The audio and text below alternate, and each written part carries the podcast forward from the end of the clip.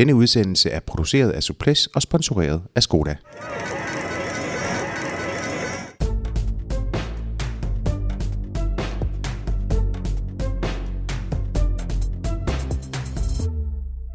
Hvordan arbejder en agent i cykelverdenen? Er det en skrøne, at langt de fleste kontrakter falder på plads under Tour de France? Og hvilke tanker lå der bag Michael Valgrens skifte til Dimension Data? Det er nogle af de spørgsmål, vi håber kunne få svar på i denne udsendelse, der kommer til at foregå på engelsk.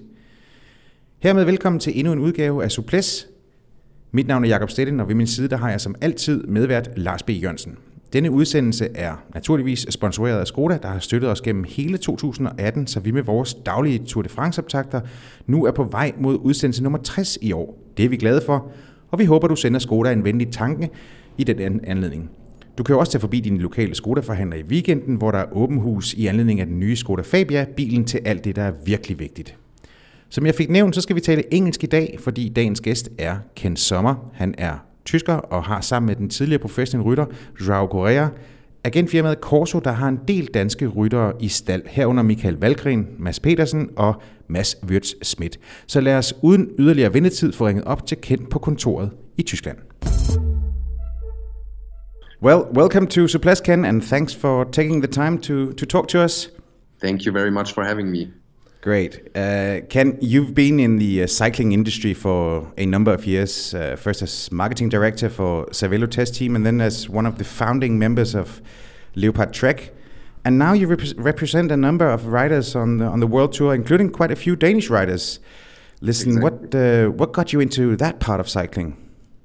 Um, well, during my time with the teams where I worked for Cervelo and Leopard, um, as you mentioned, I uh, yeah, I, I got to work with uh, cyclists and agents from the team side, and um, me and my partner Joao Correia, who used to race for Cervelo, uh, we realized that there's uh, still room for improvement on the agent side of the business, and uh, yeah, once I stopped working in Luxembourg at Leopard um, yeah, we saw the opportunity to found the agency and represent some of our um, yeah some of the riders we knew, uh, and yeah, we we always tried to uh, improve on what agencies were about before that, and uh, saw a small niche there for a boutique agency that really cares about uh, their riders.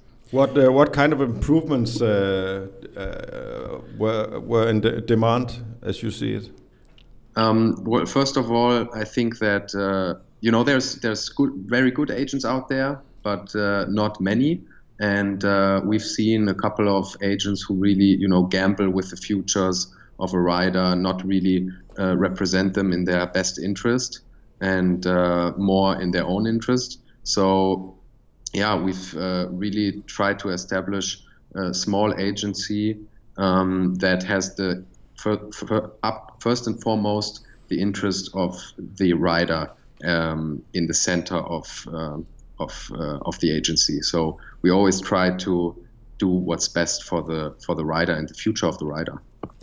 Well, right now we see sort of a, a globalization of, of the sport in these years with uh, sponsors from the, uh, for instance, the Middle East uh, entering. We have Australian, South African sponsors, and from on, on the other hand, we, we don't even have a, a, a an Italian-based team uh, anymore. Not on World Tour. Not on least. World Tour, at least. Um, from from from your point of view, is the sport in a in a better or in a worse state um, than in, in, in recent years? Um, well, it's I, I think economic wise, if you look at the big teams and the big budgets, it's uh, you could say that the big teams are for sure better off. Uh, the budgets have grown in the last uh, 10 years almost every year. And uh, also the salaries for the big riders have improved.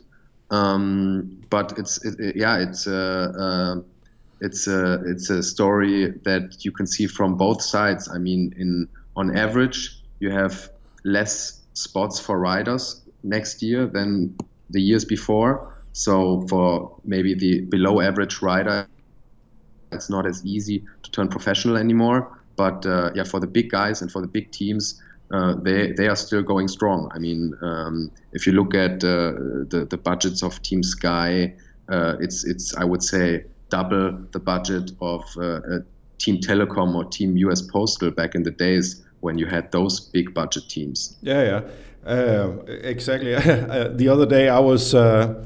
Uh, I was comparing. Uh, it was actually I was comparing victory stat, uh, statistics, but uh, in in doing that, I found out that I, I, I looked upon a, a team like Gewiss Ballan in '94.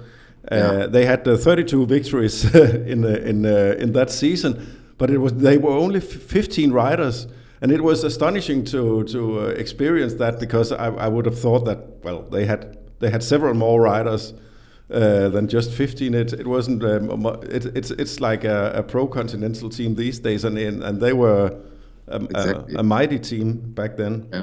And the you know the sport has grown in general. I mean, you have teams uh, that are 30 that have 30 riders now. Sometimes they race uh, three uh, races per weekend. Mm. and that wasn't the case back in the days either. No, no, and the season is has stretched uh, from uh, from January to uh, to uh, in, into uh, well into October. Exactly. I mean, if you look, uh, for example, I've compared it to a guy like Jan Ullrich. You know, the, his season started more or less, yeah, being where he was competitive. Yeah. Started after the Giro d'Italia. Yeah. And basically ended with uh, the yeah the world championship. So the riders they weren't competitive all year long, or at least there weren't too many riders that were competitive mm. all year mm. long. And now mm. uh, it feels like the top guys uh, they, they they they are competitive uh, the whole year. Mm. In 2017, the theme was, uh, in, in, in, terms of uh, riders, it was very much uh, the shrinking of, uh, of, world tour teams, uh, the demand was uh, le uh, less riders because the teams were, were only allowed to to race the Grand Tours with with eight riders and and seven yeah. riders in the in the classic etc. So I mean after 2000, the 2017 season, I, I, mean, it was like 40 or 50 something uh, spots on the world tour that uh, that uh, were that vanished. Yes. Um, and and uh, and this season there's there's another theme because uh, we have a closing of a, uh, on the merger of a CCC Polsat and and uh, a BMC team, but we have also uh, there are also pro continental teams uh, closing and and other teams that yes. have difficulties. Yes, it's a hard it's it's a hard development next year um, you know, I've, I've made a couple of calculations, and it should be around, uh, yeah, 50 to 90 places less um, next year in professional cycling, depending on which teams move up from Conti to Pro Conti level, and uh, that's a big number. And if uh, you know, if you're not one of the top top under 23 guys who want to turn professional, or if you are, uh, you know, the average helper that's in one of those teams that's closing, it's it's very very hard to find a, a spot on a, on a, on a good team. But but I mean, um, the, do you think the contracts will then get shorter because uh, teams are, are, less willing to to take the risk of uh, a decline in forms or injuries uh, because they have a smaller number of riders? Um, will, we see that development going to one or two year contracts instead of two or three years contracts? Um, that I ha- uh, from from my experience, I haven't seen that yet. Um, I think with uh, guy, you know good riders that teams place a lot of confidence in, I think uh, we won't see that development. Um, I think uh, you know teams that have a secure future for the next couple of years, they will always try to secure the good riders for two or three years. And uh, from from our agency perspective, currently we've I think signed this year we ha- have only signed one uh, one year contract, and the rest is uh, either two or three years. Okay. Um, well, as we, as we spoke uh, about just uh, rec- just a, a, few minutes ago, the, the, season is very long, much longer now than it used to be uh, going back. But there's always been this sort of a truth in, in, in cycling saying that everything involving contracts uh, takes part during the Tour de France. Well, has that is is is that true, or that, has that changed as well as cycling the cycling calendar in in general? Um, I really think that used to be the case. Um, it used to be tra the tradition that agents and team managers meet up um, during the Tour de France on the rest days or during the days just heading to the Tour de France. Mm -hmm. this is still happening. So when we you know, when we meet uh, a, uh, managers in the team hotels during the rest days, we see all other agent colleagues as well. So uh, it's, it's like a transfer fair uh, going on there. But I would say most of the negotiations take uh, place even earlier than that. So um, we've seen the development that that is going on earlier every year. So teams really try to secure the top talent uh, as early as possible, um, which wasn't the case 10 years ago.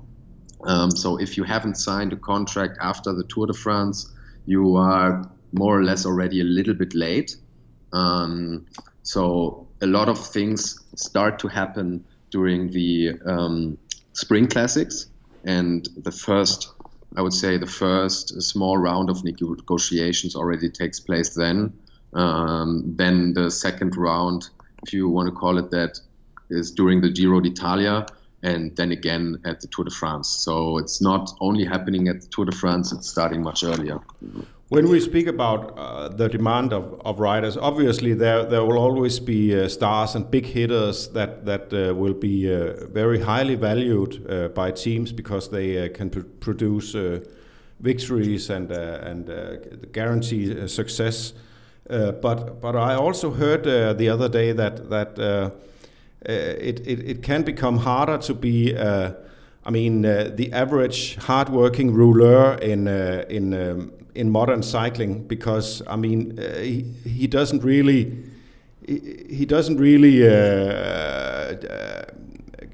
I mean he doesn't really contribute that much in in terms of of victories. So so the ideal World Tour rider uh, slash uh, uh, rouleur kind of guy was a, a, a guy like, like uh, Oliver Naesen, who uh, is a very very strong rider. He's who's also a very talented, who, who can also pull like a uh, like a, a, a nuclear powered machine and, and and you know I mean uh, is is the uh, and maybe you could say a, a, guy like Yves Lampaert also although the, the, I mean it's not that they are not winning but that that's actually the point that they're not they're not uh, big hitters like Greg van Avermaet or or in, in that mold but but it, it's it's it's quality riders you can also say Michael Val Valgren he has also come uh, and he's also been a rider like that with a very strong rouleur domestique yeah. kind of guy who's beginning to to uh, win in, in, his own right. And uh, obviously this season Michael Valgren is, has become uh, one of the, the, the future stars of cycling but do you know what I mean what is the demand for for the uh, the, the, the, the, the kind of old school rouleur like Sean Yates uh, kind of a rider I, I, mean, the, the guys you talked about, they're basically already part of the um, big names in cycling. I, I, mean, a guy like Naesen or Lampaert, those guys win themselves and they can pull and they can work hard for their teammates. So those guys will always uh, be really high demand. I mean, mm. they some of the biggest races in the world. But also the guys like, uh, if you look at a guy like Declercq from of Quickstep, uh, I, I think he's must be around the age of 30 and he hasn't won a single no. uh, a single pro race but uh, he he he's a yeah he's a machine and he works um, for for his captains in the first half of the race and mm. is so so valuable so i think also those guys are still in high demand because okay. you don't have a lot of them mm. and uh, who really sacrifice themselves um, completely uh, and who don't have any results themselves. Um, so yeah, guys like that are also in high demand. I mean, we have, uh, if you look at the mountain side, not on the rouleur side, uh, a guy. We have a guy like Laurens ten Dam. Uh, mm. He he's 37 now. Uh, he's won only, I think, one or two races in his career. Um, but uh, you know he's always there. He's done nearly 20 Grand Tours. He's always there for his captains, and yeah, you need those guys, mm. and uh, you cannot only have the guys that win races. Mm. Uh, you need the guys who sacrifice their own chances and uh, really work 100% for the captains. Yeah, and then obviously we have the specimen like uh, the, the, the lead out type of guys like Michael Morkov, uh, who's also very highly valued because uh, they, they, they can do uh, something uh, very uh, special for the sprinters. Exactly. At one point in your career, you just have to decide okay, what niche will I fill in this market? Mm. Um, you have to find your spot in professional cycling. If you don't find that, uh, you have a problem. But it can be anything, you know, it can be uh, a, a, lead out, it can be a rouleur that works for the first part of uh, the race, mm. it can be a um, semi mountain domestique like Sergio Paulinho was mm. one of those. Mm. Um, uh, yeah, it, you have to find the spot in cycling where you can add value to a team, and then the teams will recognize that.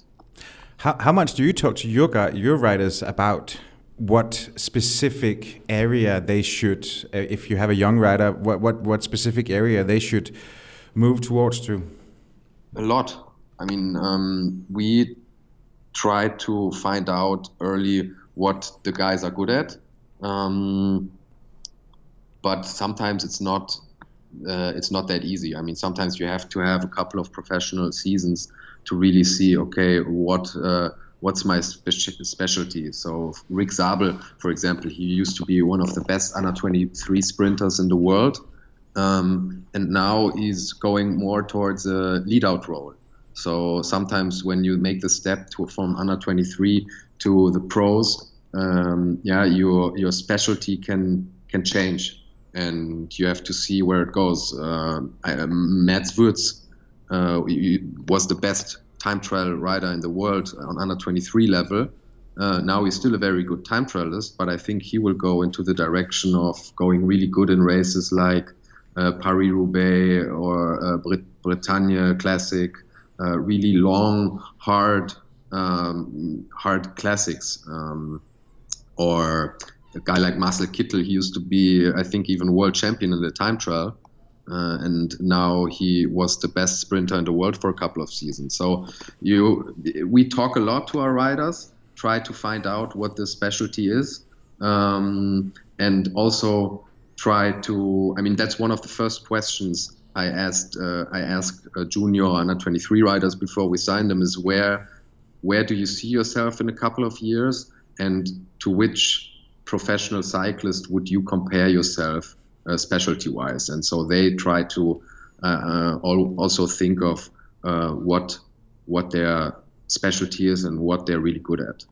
But do you even try to change their mind? If, I mean, for instance, if you see where the market is going, we see you can see some openings. These teams need that, that, and that kind. So, and and you could sort of uh, twist that rider into to fitting into that uh, position.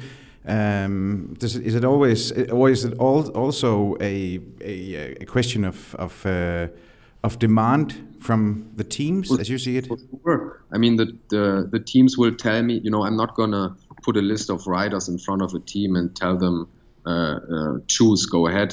What uh, I will ask them, what kind of rider do you need? Mm. And if they tell me, I you know, I need a guy who is uh, good in positioning for us sprinter and good in lead out, I'm gonna I'm not gonna uh, put guys in front of the team that don't fit the, this description.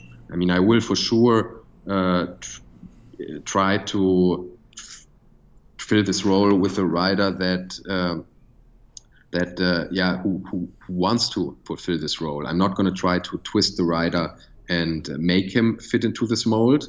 Uh, he really needs to want it and he really needs to be capable of doing it. How is the contact between you and the teams? Do they come to you or do you go to them? Uh, it's both ways. Um, I mean, at the beginning, when we started the agency, no one really knew us. Uh, we had to we had to really make an effort to um, to introduce ourselves to the teams, um, to set up meetings, uh, we had to most of our riders were pretty unknown we had to explain to the teams, you know, what the riders are about, what they're good at. But I think this is this has changed a lot in the last years. We we have some of the really really good talent uh, of cycling, international cycling, and uh, it's yeah some teams who do a good job in scouting, who know the under 23 scene, who know the young riders. They for sure they come up to us um, uh, in the last years. But also, if if you look at uh, guys like Mads Pedersen or Michael Valgren, Søren Kragh, everyone knows them now. So for sure, if teams are interested, they they come to us. And, and, and how professional do you th- is this the scouting systems within the teams? In, in your opinion, um, it depends completely on the team. I would say hmm. some of the teams they make a really good job. Uh, I mean, Marc Reef of Sunweb, um, he's the head scout there, sports director. He knows all the good junior riders, all the good under 23 riders. Um, it's also one of the reasons is they have their own under 23 team, so they have to know the market. Um, but guys like uh, uh, Matxin, who switched from Quickstep to uh, UAE, uh, they they know all of the good young guys from all over the world, and uh, they are really really good at it. And you know, some teams they haven't heard about Mads Pedersen until he uh, did well on television, you know, until he did well in the uh, three days of De Panne the first time. And uh, the, the kid won everything on junior level mm. and lot of under 23 races. So if you do scouting, you should know, you should have known that name a little earlier. Definitely. Uh, well, I think, but uh, in this, uh, it's been a it's been a rough season with the teams folding. I mean, UH United Healthcare team has folded. Uh, Hollow yeah. Wesco has folded. JLT Condor in, Eng in England has just folded, and uh, there was uh, the uh, um, Aqua Blue Sport uh, Menage that also took a team out very very su surprisingly. Um, Kasper Pedersen from from that team managed to to find a new spot. I think he's one of your riders, isn't that yep. not that correct? Was it uh, was it hard to, to, to find a spot for him uh, uh, at this um, at this time of the year?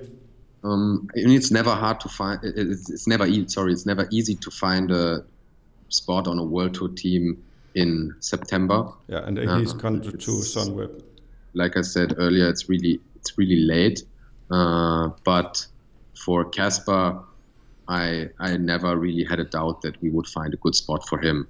Uh, mm. He had a great season last year where he already won professional race at the Tour of Denmark.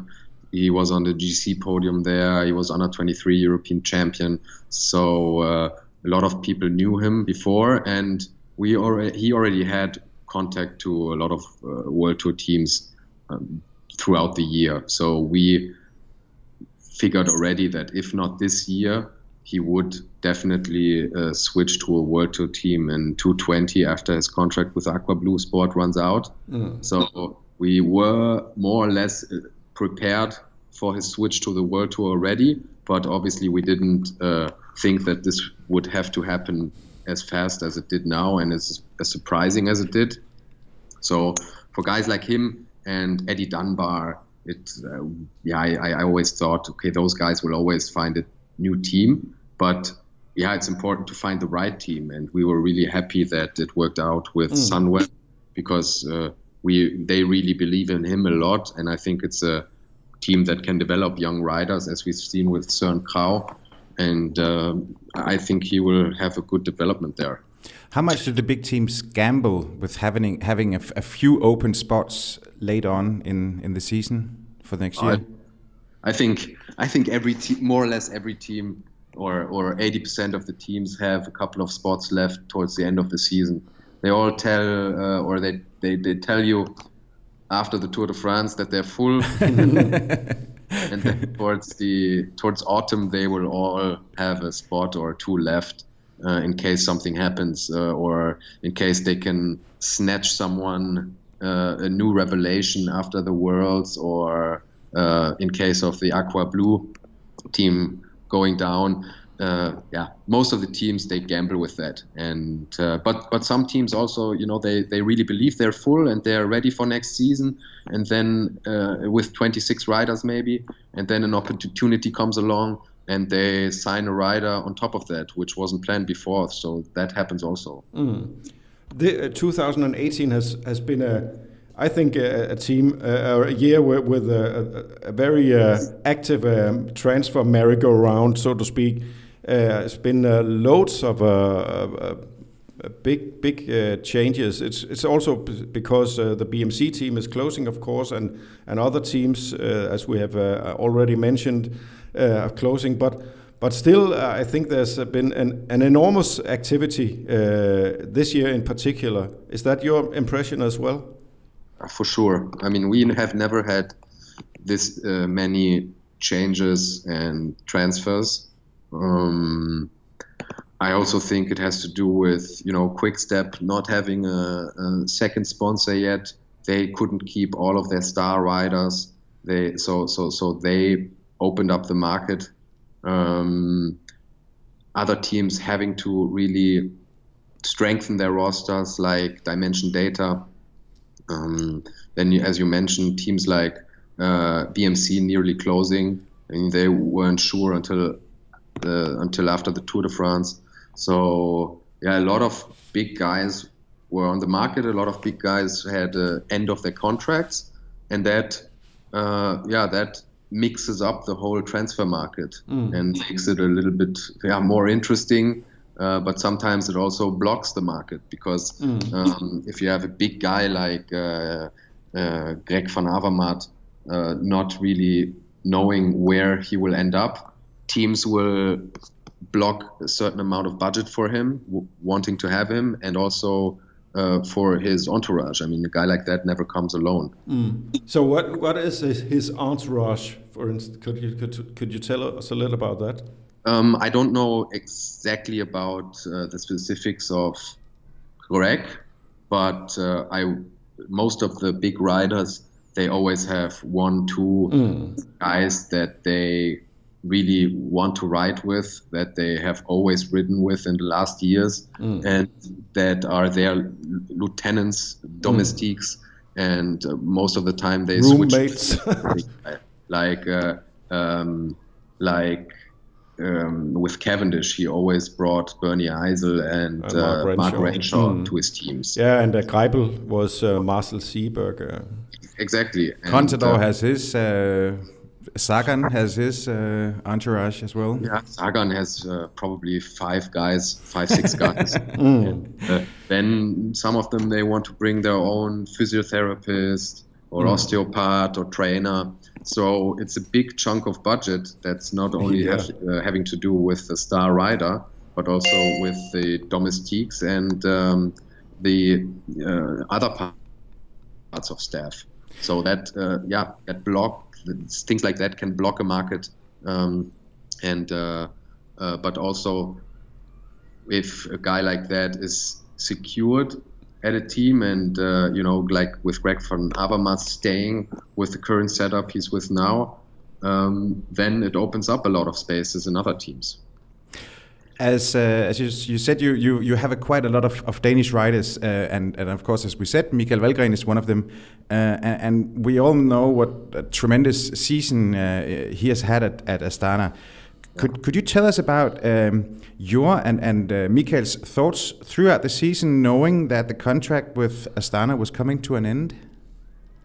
Yeah, I, I mean, we knew that he needs a good season to be able to sign a good contract either with Astana or somewhere else. Um, people know his quality, and he will always find a spot in a good team because he's just a great helper uh, and also strong in you know getting his own results. But yeah, this season he showed that he can be on an entirely different level. Um, we saw hints of that already in the past already when he turned pro, he was uh, one of the strongest riders in his first professional season at the World Championships. Um, people don't forget that. He, he, was second in the Amstel already. He was there quite often, but the big, big result was missing. And uh, this year he really showed that he's not only, you know, he wasn't only there in the races he won, but he was also there in Flanders. And uh, if you look at the develop, or if you look at the performance he did in Tour of Flanders, I think that was even more impressive than uh, what he did at the Amstel. Uh, because in Flanders he crashed um, with I don't know how many kilometers to go, maybe 50, 60, 70. I can't really remember, but he had to come back. He had to ride really, really hard for a lot of kilometers to come back to the main guys. And still, then he was able to follow the big attacks on the climbs. He was able to attack in the final and nearly got a podium spot. So he really showed that he belongs to the big, big boys now. And um, yeah, coming into the season, we we really thought he could be able to do it, and Michael was also confident that he can be with the best of the world. And yeah, we were all happy that he did it, and this opened up obviously a lot of more opportunities than he would have had otherwise. But it was surprising to most that uh, he he uh, signed a contract with the Dimension Data, who's been uh, let's let's be frank about it. Uh, one of the the, the bleak uh, teams uh, of the season, and he had uh, doesn't have re- it, it, in, until then didn't really have a roster that that could fit a guy like Michael Valgren and, and with his ambitions. Um, that has changed because since Michael signed with them, they've also signed names like Gasparotto. Roman Kreuziger, stuff like that. But but uh, dimension data was a surprise to most. Uh, what were your considerations uh, negotiating with a team like that? We, Michael and us, we really wanted to find a team where he gets the support to ride as a captain, a team leader in um, in the races that are most important for him. Um, and that's not you know that's not easy that you, you don't have that role in every team. In a team like quickstep for example you have uh, so many good guys that you're not the team leader or, or, sometimes you're the team leader and sometimes you're not. And you have three or four guys that are on the same level as you. And we felt and also michael felt like it's time to to really fulfill the role of a team leader and this could have been uh, the case at Astana, could have been the case in some other teams. But we really, he had so many long talks with the team management of Dimension Data, and they really showed him that how much they value him and how much they really believe in him. Um, they asked his opinion about the material, about new riders, about uh, um, about how the team can improve, and really showed him we trust in in your experience. We trust in your um, um, yeah. We, we, we trust you in your opinion, and uh, yeah, I think that made the difference. The the yeah the, the confidence they placed in him. So, so, so you knew that they were going to sign uh, more riders. Did you even know which riders they were going to sign? Um, no, we're not gonna we're not gonna dictate on what riders uh, a team will sign. So we we are also an agency that never does package deals. Uh, some agencies they will bring one or two riders with the big names. We we try not to do that. Mm. Um, we really want the team only to sign the riders they re- really want to have.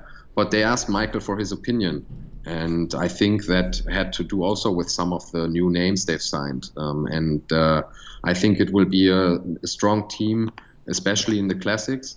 Um, they have some guys that can be there in the final with him, uh, like uh, Julien Vermote, who uh, had an injury this season.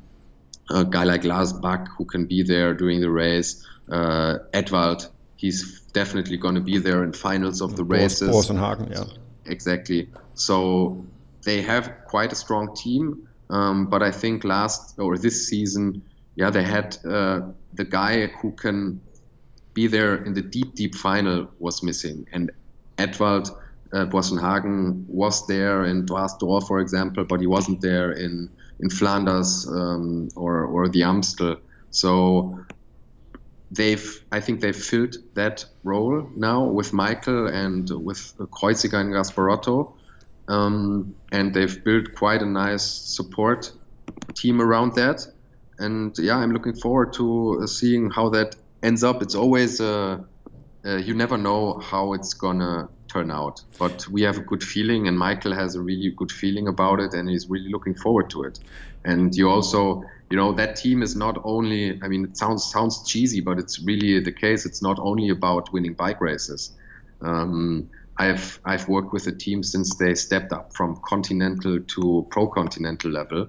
And it's really also about uh, building Ameri- uh, african cyclists. Mm. and it's also about bringing kids to bikes. And that's something that was also really important to michael. He he's a really i mean you know him. He's a really social guy. Mm. he cares about others, and uh, he's looking forward to the experience of going uh, to South Africa, handing out uh, bicycles to to kids, bringing more people to bikes there, and really changing lives. And that's not something that uh, um, that I mean, that's really one of the reasons why he went to that team.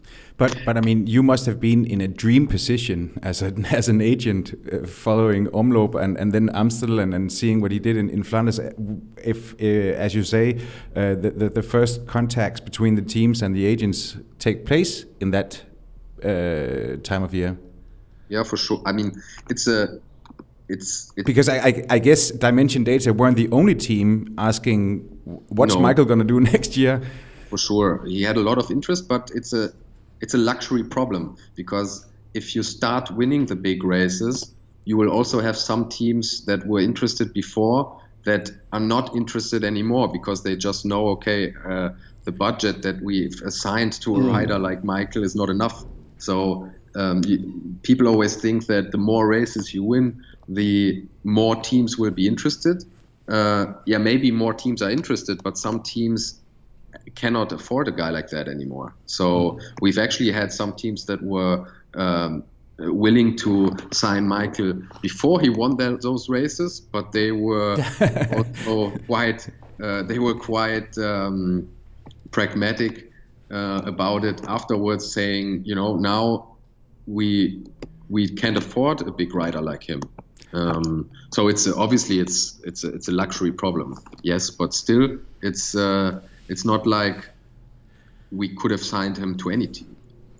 Uh, in cycling, uh, there's been uh, some debate about uh, salary caps. I don't I don't think that's in your interest or or the riders' interest, but we, we every year after the tour we speak about salary caps because Team Sky is too dominant and uh, they have too much money and they are they, they are wrenching the, the the sport apart uh, with the mightiness. Uh, but do you think salary caps would uh, would work in, in, in, cycling? Would it, it, give a more uh, uh, justified system, so to speak?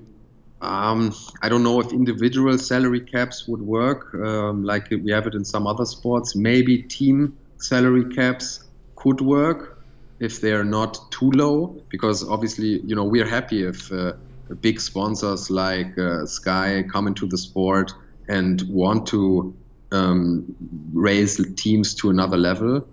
Mm, I think it levels the playing field if you have a, a team cap for sure, but I think it would only make sense and be a good idea if it's not too low because mm. you um, if, it, if, it, if it's too low, you also, I think, limit the yeah you limit the possibility to uh, of a rider to to grow. Uh, it makes sense that a rider like uh, Peter Sagan makes uh, a lot more money than uh, the average bike rider. I mean, he is a phenomenon. He wins. Uh, mean, wins the world championships nearly every year, mm. and so many other races. So mm. yeah, it's a, it's a it's a hard subject to talk about, but I think for sure something needs to happen to level the playing field. If this has to do with a team uh, cap or with um, teams participating in economically in, in content, um, this, this, is another question, but that's an that's an evening filling subject. Uh, we don't uh, we don't elaborate on that. I can I only have two questions left. Um, um, in in the case of Michael Valgren, you could say that that he has maybe two or three big contracts left in his career. Um, this being one of them. H how much do you consider the, the present contract, and how much do you consider the possibility to to be even better, so the next contract can be um, be even more profitable? Um, I mean, how long ahead do you think when you sit down with the rider? Uh, I mean, for sure, now we think already about uh, what will happen after the two years of this contract. Mm-hmm. Um, he now has to prove that he can deliver on a level similar to what he has done this year. This doesn't really mean that he needs to win two classics every year. Uh, Luckily. uh, but he needs to show that he's up there. So if you look at a guy like Zed Van Mark, for example, he's one of the big, big classics guys out there. he, never wins. But he didn't win. He uh, he didn't win a classic in the last couple of years, if I remember correctly. Um, but he shows he's always up there, and I think showing this consistency is something that Michael needs to do, and uh, he's confident he can do it. And if he shows that, I think the next contract won't be a problem for him um, because teams are always looking for a guy that can be up there, be in the top 10, be in the top five of the big classics. A problem for sure will be if uh, you know he, he he will be on a completely different level than this year. If he's um, if he if he cannot uh, fulfill the role he's been assigned to, but we all believe in him 100% and the team believes in him and most of all he himself believes in him and uh, he's someone i really don't have any um, fear of not being up there he's uh, when he's in shape and most of the year he is in shape to let's be honest uh, he, he's up there. He's shown it in Britannia now that he's super strong. He, he, he showed it in Canada so he's there in a lot of classics, and I think there is not many riders that can be up there in all of those races. I mean, he's there in the Cobble Classics, he's there in the hilly Ardennes Classics, he's there in the Tour de France, be it working for a GC guy or going after stages, and he's there after the Tour de France. And uh, not many guys can fill a role like that. Mm. As we said in the beginning, and this is my last question, Kenneth, thanks you for taking the time. Um, uh, you represent quite a few Danish riders, as Mads Pedersen is, is one of them. Uh, he, he, signed a new contract uh, with his team, or prolonged his, contract, just around the time when uh, he uh, he finished second in, in the Ronde van Vlaanderen. Um, I don't know if could he have gotten a better deal if he just waited a, a month or so, or uh, what's or is, it, is that just a part of the game? That's part of the game, and may, you know maybe he could have gotten a little more, uh, but this is something we try to, like I said in the in the beginning, why we went into this business is we we don't gamble with the futures of our guys, mm. and we saw that the team is super happy with Mads, and Mads is super super happy at Trek. So there was no reason for us to go to the market to try and get a little bit more or try try and wait to see if we can uh, increase his value.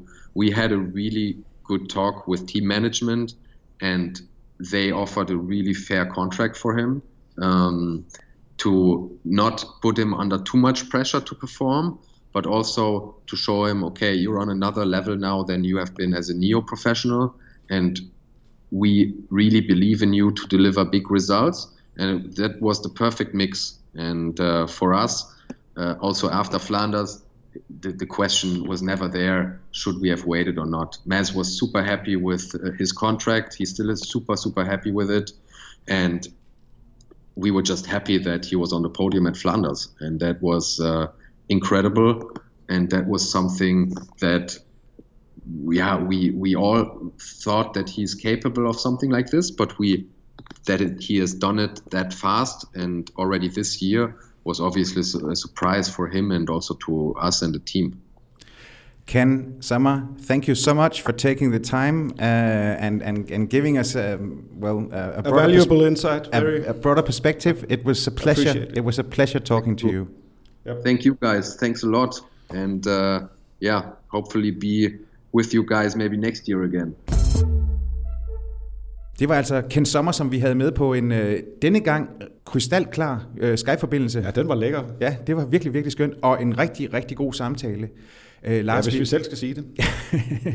det, var i hvert fald, det var i hvert fald oplysende for mig. Ja, også her. Øh, Lars, hvis det er sådan, vi, vi, vi er jo inde på, på Valgrens skifte, som jo blandt andet fra Bjarne Ries fik, øh, fik relativt stor kritik, øh, da, da det kom frem, at, øh, eller i hvert fald da, da spekulationerne om, at det kunne være Dimension Data, der var i, øh, i spil, øh, de, de dukkede op.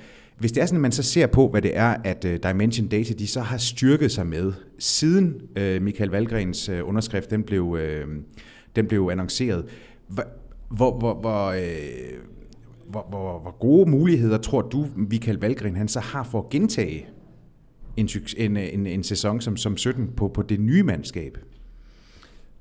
Jamen, øh, det, er jo, det er jo svært at sige. Øh, man kan sige, at altså, de, har, de, har, de har simpelthen købt øh, Amstel Gold Race-podiet øh, med, med Valgren, øh, Gaspar Rosso og, og Kreuziger. Så i Ardenner sammenhæng ser det jo rigtig godt ud.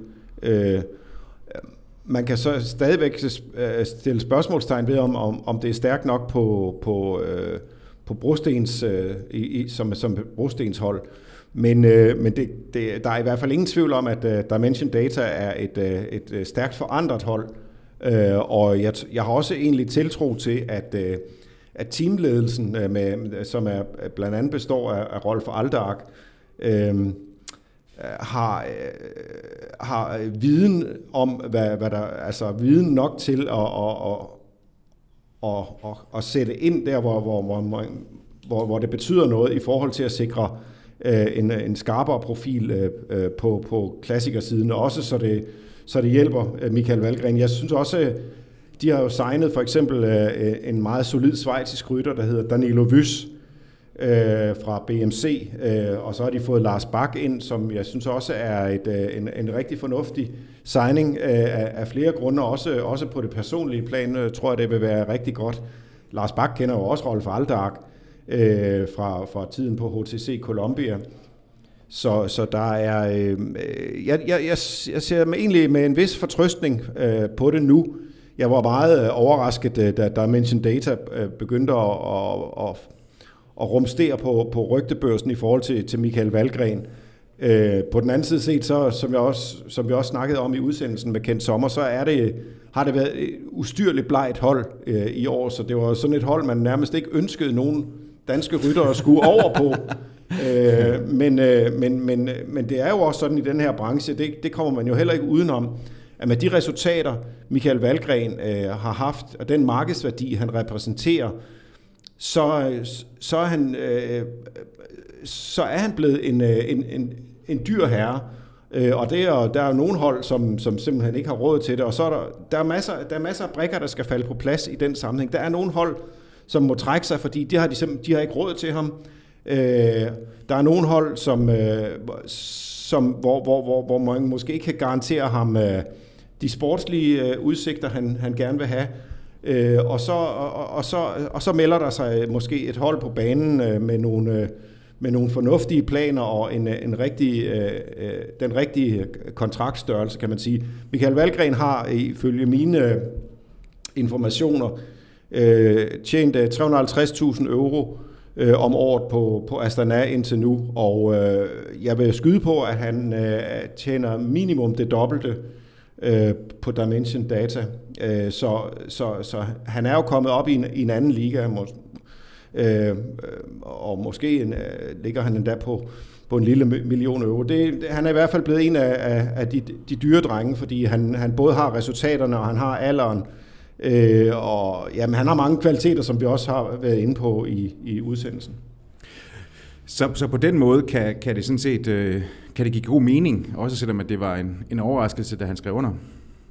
Ja, ja, det, jeg synes, øh, ja, jeg, nu synes jeg, det, det giver god mening, men, øh, men det er klart, at øh, altså, der er jo stadigvæk... Øh, der er flere ubekendte, end der havde været, hvis det var sådan, han havde skrevet med der er, andre. der er flere ubekendte, men øh, omvendt så, så, så ved vi også, at vi kan jo se, hvordan øh, Astana har været for, altså forvandlet i, i år i forhold til sidste år.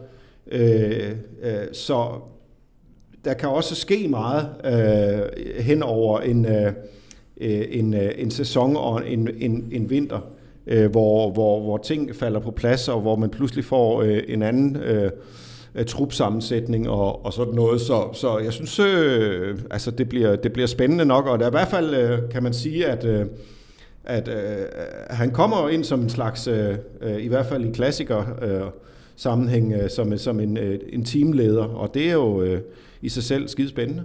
Det er det. Lars, vi skal lige have en enkelt... Øh, det glæder jeg mig til, som vi jo præsenterer i, øh, i samarbejde med, øh, med vores partner øh, Skoda. Øh, det kunne jo være Michael Valgren i forhold til den kommende sæson. Jo, jo. Den er, den, den, er, den er rimelig... Det er selvfølgelig, uh, det er selvfølgelig lidt langt... Uh, det, var det, det var det lange lys, kan man sige. Uh, så uh, så det, det, det, det er næsten... Uh, det er næsten at føre det, føre det for vidt. Øh, nej, altså, det, hvis, jeg kom til at tænke på den anden dag, hvor meget jeg holder af et løb som Paris Tour. Det, var, det bliver kørt om ikke så lang tid. Øh, jeg ved ikke engang, hvem vi rigtig har til start der. Øh, om, øh, om Søren Krav, der, der var på podiet øh, sidste år, øh, er der igen. Det kan jeg godt øh, have min tvivl om. Men Paris Tour, synes jeg, er et vidunderligt løb øh, at se på. Det vil jeg faktisk glæde mig til. Det var da godt. Lars, jeg vil, øh, jeg vil øh, runde af nu her. Jeg vil øh, selvfølgelig sende en stor tak til, øh, til Skoda, øh, der jo er med til at gøre de her udsendelser mulige. Jeg vil også sende en kæmpe stor tak til dig, der har lyttet med på Genhør. Denne udsendelse var produceret af Suples og sponsoreret af Skoda.